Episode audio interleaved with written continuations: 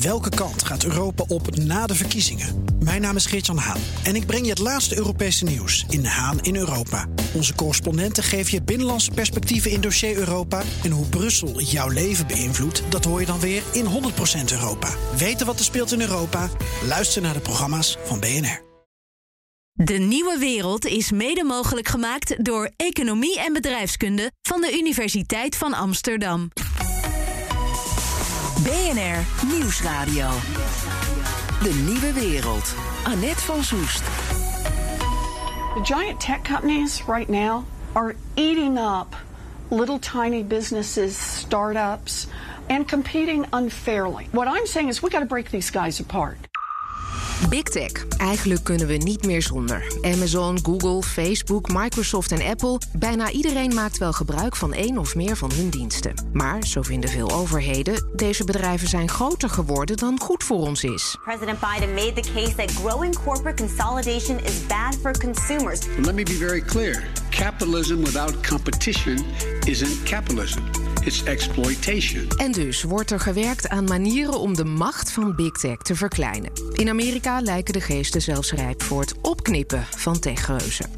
Ik ben benieuwd, wat als we Big Tech opknippen? Hoe doe je dat en wat zijn de consequenties? Dat zoek ik uit in deze aflevering van De Nieuwe Wereld. Het idee van opknippen is niet nieuw. In 2000 wilde een Amerikaanse rechter Microsoft al in tweeën breken. Een split die er toen niet van kwam. En in 2019 voerde de democratische presidentskandidaat Elizabeth Warren campagne met een plan om Big Tech op te knippen. Je hoorde haar helemaal aan het begin van deze aflevering. Het Witte Huis haalde ze niet, maar het thema bleef hoog op de politieke agenda. En niet alleen in de VS. We need to contain this immense power of the big digital companies. En dat zegt voorzitter van de Europese Commissie Ursula von der Leyen. Ook Brussel is namelijk bezig om big tech aan banden te leggen. Die nieuwe wetgeving gaat, zeg ik maar meteen, niet over opknippen. Europa kiest liever voor vooraf ingrijpen dan achteraf. Maar hoe het precies wel zit, bespreek ik straks met Europarlementariër Paul Tang. Maar eerst bel ik met Niels Philipsen, hoogleraar Law and Economics aan de Universiteit Maastricht en hoogleraar Shifts in Private and Public Regulation aan de Erasmus Universiteit. Hij vindt dat we het gedrag van grote techbedrijven goed in de gaten moeten houden, maar is niet meteen voorstander van opknippen. Omdat ik zelf een, relatief grote vertrouwen heb in zeg maar, uh, uh, potentiële concurrentie die op een markt kan, uh, altijd kan gebeuren. Kijk naar het voorbeeld van uh, Nokia. Ze waren lang marktleider op het gebied van de uh, mobiele telefoons. Ze misten de boot naar de smartphone, zo met even cru te zeggen. En ja, van die marktmacht was ineens vrij weinig meer over. eenzelfde voorbeeld kun je misschien ook verzinnen voor TomTom en de navigatiesystemen. Dus als je vertrouwen hebt in het feit dat digitale markten in ontwikkeling zijn, dat er altijd nieuwe start-ups kunnen komen die een dreiging kunnen vormen voor het bestaande netwerk, dan denk ik dat de gevaren niet zo heel groot hoeven te zijn. Zijn dat wel vergelijkbare bedrijven? Want ik bedoel, Nokia maakte gewoon telefoons. Het andere voorbeeld, ja, TomTom Tom, ja, werd ingehaald door Google Maps. Maar de, de big techs die hebben natuurlijk ontzettend veel verschillende diensten die allemaal aan elkaar zijn gekoppeld. Dat is waar. Kijk, en, en ik, kijk, als we dan uiteindelijk gaan hebben over de vraag: uh, moeten we dat opknippen? Ja, dan zou ik zeggen. Alleen waar die diensten niet tot netwerkeffecten leiden en, en bij elkaar horen, maar bijvoorbeeld als we kijken, zo'n bedrijf als Amazon dat ook uh, verticaal gaat integreren en zelf ook aan retail gaat doen. Ja, daar kun je vraagtekens bij stellen. Als Facebook nu nog meer bedrijven gaat opkopen en integreren in, in hun bestaande systeem, dan gaan we misschien stappen te ver. Maar we moeten uh, toch ook uh, niet vergeten dat dit soort markten baat hebben bij een, een, groot aantal consumenten dat op hetzelfde platform zit. En dat geldt ook voor de, de afnemers aan de bedrijfskant. Ja, maar de gebruikers aan de bedrijfskant de macht van deze bedrijven maakt het wel heel moeilijk voor nieuwkomers om echte concurrentie aan te gaan. Ja, dat is waar. Maar we hebben daar uh, concurrentiewetgeving voor. Dat echt kijkt naar het gedrag. En daar zouden we misschien wat strikter uh, die regels uh, moeten kunnen toepassen. Hè? Als bedrijven op een oneerlijke wijze, of een ongeoorloofde wijze moet ik zeggen, concurrenten uit de markt drukken. Door bijvoorbeeld hun prijs even net onder die van een concurrent te zetten om, om de markt uh, voor zichzelf te behouden. Uh, of bepaalde producten samen aan te bieden en daardoor uh, een aanbieder van een product in een andere markt, zeg maar buiten de boot te houden. Ja, dat soort gedrag, wat gericht is op andere bedrijven, dat zouden we moeten blijven aanpakken en misschien nog strenger dan we nu al doen. En we kunnen ook reguleren, en dat is ook wat de EU wil. De EU komt met een nieuwe wet in zaken de digitale markten waarin zij ook vooraf al uh, bepaald gedrag van bedrijven wil sturen, wil verbieden. En ik denk dat dat een betere route is dan het opknippen. Hoewel, ja, als je echt activiteiten kan vinden die los van elkaar staan. Ja, dan zou je daar aan knippen kunnen denken. Maar het gevaar van opknippen is dat bedrijven in de toekomst hier ook bang voor zijn. En alles zullen doen om net onder die grens te blijven. Om, om geen poortwachter te worden en opgeknipt te kunnen worden. Dus het kan een negatief effect hebben op innovatie. Netwerkeffecten, poortwachters, komen we zo op terug. Maar pas dus op met opknippen, zegt Niels Philipsen. Het kan vernieuwing tegenwerken en bovendien vertrouw op concurrentie. Er zijn ook mensen die denken dat opknippen concurrentie kan bevorderen. Deze hoogleraar bijvoorbeeld. Als je op een slimme manier opknipt en met name het deel met marktmacht isoleert, dan uh, kun je uh, vervolgens kun je ook daarop dan gefocust reguleren. Um, en dat heeft allerlei voordelen, want dan kan je bijvoorbeeld toetreding stimuleren van alternatieve platforms die dan zich focussen op het aanbieden van een alternatief voor alleen dat deel. En dat kan concurrentie stimuleren. Ik ben Maarten Pieter Schinkel. Ik ben hoogleraar economie aan de Universiteit van Amsterdam. En mijn leerstoel gaat over mededingingseconomie en regulering. Ik denk, uh, als je het op een slimme manier doet, dat dat uh, een goed idee kan zijn. Of zeker een onderdeel kan zijn van het hele pakket uh, aan maatregelen om toezicht te houden en verbeteringen aan te brengen in de big tech. Ja. Laten we zo even ingaan op hoe dat dan slim kan.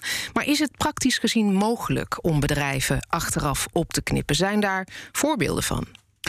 Ja, het is complex, uh, maar natuurlijk, ja, alles is mogelijk als je maar uh, graag genoeg wilt.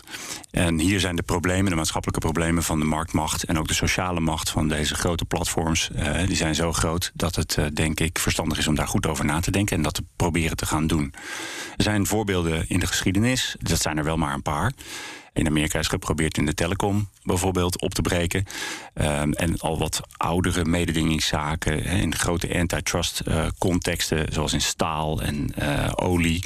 Uh, daar is ook geprobeerd om bedrijven kleiner te maken en de concurrentie te stimuleren. En werkte dat toen? Ik moest meteen denken aan Standard Oil van Rockefeller. Werd toen opgeknipt in 35 losse bedrijven. Heeft dat gewerkt? Ja, nou, dat, Standard Oil en de olieindustrie is toch een wat ander soort probleem dan hier, denk ik. Dat zijn, uh, dat zijn ondernemingen die ook met elkaar goed kunnen concurreren. dat is, daar zit niet heel sterke netwerkeffecten in. Uh, op zich is dat denk ik uh, goed gegaan. Dus we hebben niet daar een hele machtige Amerikaanse oliemaatschappij, maar concurrentie. Uh, redelijke mate van concurrentie. Um, overigens is dat ook een wereldmarkt natuurlijk. Maar in dit geval hebben we te maken met platformen zoals, zoals Google of Facebook. Hè. Dat zijn natuurlijk de grote ondernemingen waar we het over hebben. Amazon, Apple, die uh, profiteren van het bestaan van uh, positieve netwerkeffecten. Uh, dat, dat zijn effecten waarbij, waarbij het eigenlijk fijn is dat iedereen op hetzelfde platform zit. Ja, met want hoe meer daar. mensen er gebruik van maken, hoe beter het werkt. Precies. En dus nou, hoe, hoe, hoe meer ze elk daar individueel een nut uit dat platform, uit gebruik van dat platform halen. Dus als je allemaal dezelfde taal spreekt, dan kun je elkaar goed verstaan. Als je allemaal op Facebook zit, kun je mekaars, kun je mekaars foto's bekijken. En dat is, dat is prettig. Dat gaat dan gemakkelijk dus die, die platformen die hebben eigenlijk een soort natuurlijke monopoliepositie. Omdat iedereen graag op dat, op dat ene uh, populaire platform zit. En niemand gaat in zijn eentje of een paar mensen naar een ander platform. Dan moet je echt met z'n allen migreren. En uh, je moet dus erg oppassen uh, dat je als, je als je gaat knippen daar, dat je die positieve netwerkeffecten misschien kapot knipt. Opknippen is dus makkelijker gezegd dan gedaan. Dat moet je slim doen. Hoe doe je dat dan? Ja, nou, dat, de, een, een, belangrijk onderdeel van het denken hierover is nog echt, staat redelijk in de kinderschoenen. Er wordt heel veel gesproken over break-ups, hè, uh, met name in de VS, heel luid. De Europese Commissie heeft al het een en ander geprobeerd. Bijvoorbeeld, uh, de Commissie heeft uh, Google Shopping apart gezet als, als een remedy van de rest van Google. en en, en met, okay, daar, de bedoeling daarvan was ook om concurrentie te stimuleren, in zekere zin. Maar dat, dat bevindt zich dus nog echt in de kinderschoenen? Begint, bevindt in de kinderschoenen, maar uh, je kunt er wel conceptueel over nadenken. Uh, want um, uh, het idee is natuurlijk, als het probleem is dat er een natuurlijk monopolie op het netwerk zit, op het platform zit, dan zou je dat natuurlijke monopolie zoveel mogelijk kunnen isoleren van andere aspecten van de onderneming. Dus als je het over Google hebt, Google is een soort ja, octopus. Dat is, een, dat is ook een beeld wat uh, The Economist geschetst heeft, al een tijd geleden al uh, van, van die big techs. Met zijn tentakels Precies. overal. Overal in. in. Hè, overigens, dat was ook al bij Standard Oil uh, een beeld. in de tijd is een oude cartoon.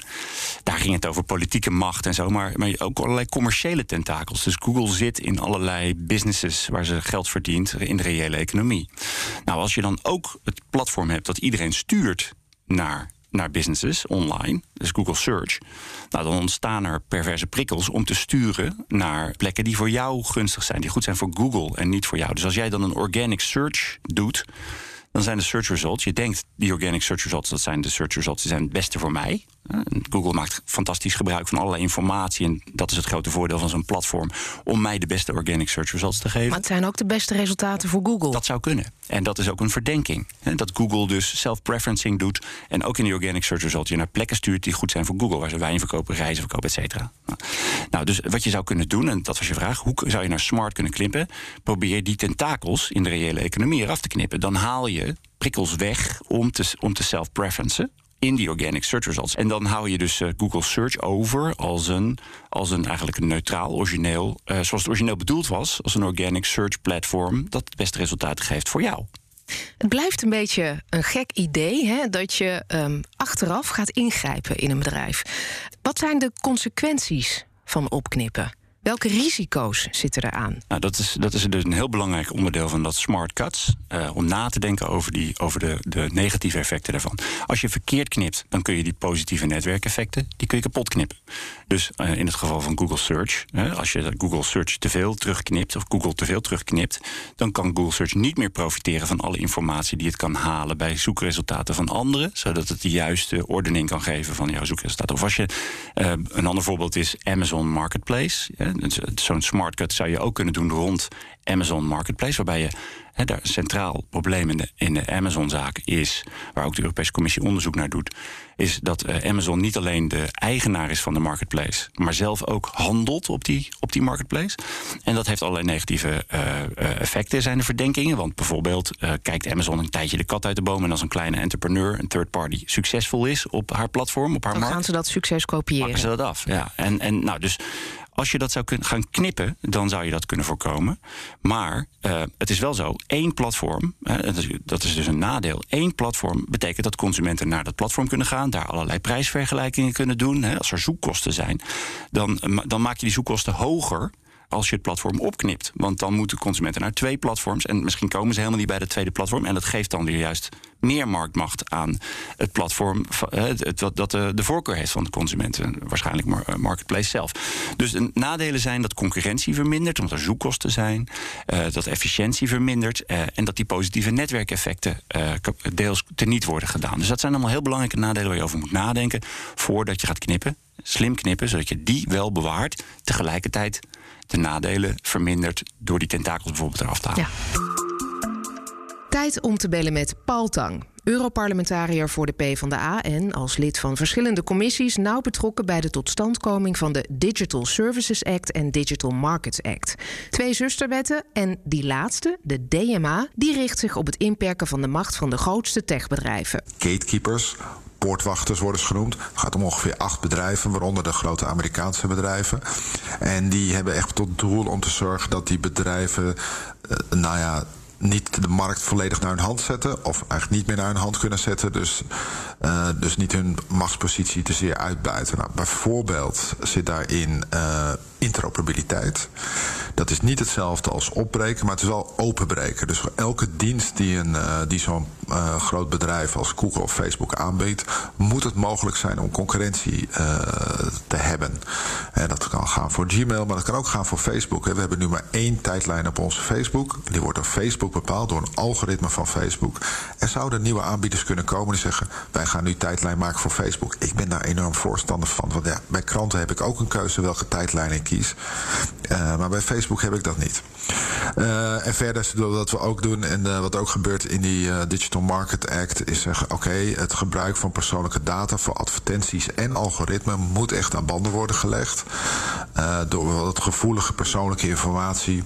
Nou, informatie over gezondheid, maar ook religieuze overtuigingen, politieke opvattingen mogen niet gebruikt worden voor, het, uh, voor, uh, voor de algoritmes en voor de advertenties.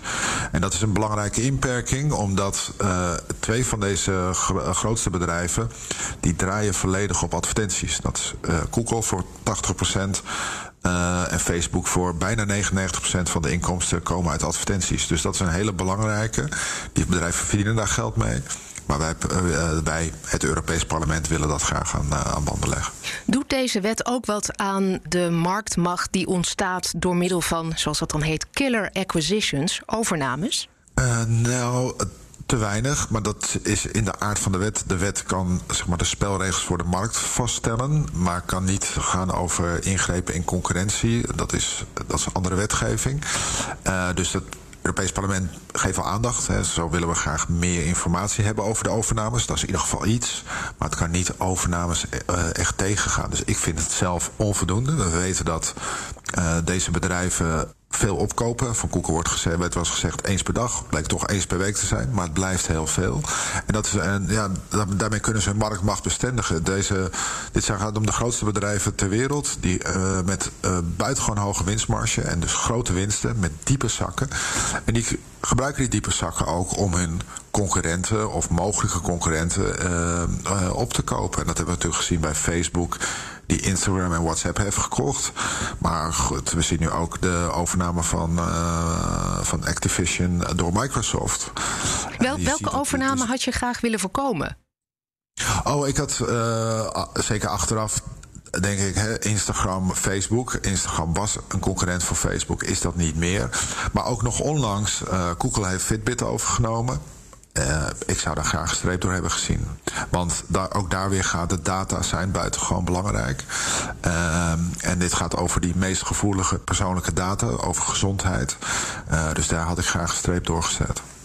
Terug naar de Digital Market Act. Ik heb er samen met een jurist naar gekeken. Die zei tegen mij: de spannende dingen staan in artikel 6. En daarin staan de verplichtingen voor die poortwachters, voor die ja. grote techbedrijven. Maar uh, daar staat dan boven: die verplichtingen kunnen nader worden gespecificeerd. Wat betekent dat? Ja, dus het, het, zijn artikelen 5 en 6 die leggen eigenlijk de spelregels vast. Bijvoorbeeld, je mag jezelf niet bevoordelen. Ook al, zit je, uh, ook al ben je betrokken bij meerdere kanten van de markt. Bijvoorbeeld Amazon heeft een platform, maar is ook een aanbieder op dat platform. Nou, die rollen mogen niet uh, vermengd worden. Um, maar soms is het nodig om daar nadere spelregels voor vast te stellen. En dat is niet ongebruikelijk. Hè. Dat zie je ook in, uh, in Nederlandse wetgeving. We hebben primaire wetgeving, maar we hebben ook een secundaire wetgeving. Algemene maatregelen van bestuur. Nou, dat is vergelijkbaar in Europa. Uh, dus, dus er moet een nadere specificering komen wat dat betekent. Dat geldt bijvoorbeeld voor interoperabiliteit, wat ik heel belangrijk vind. Hè, dus concurrentie op de kerndiensten.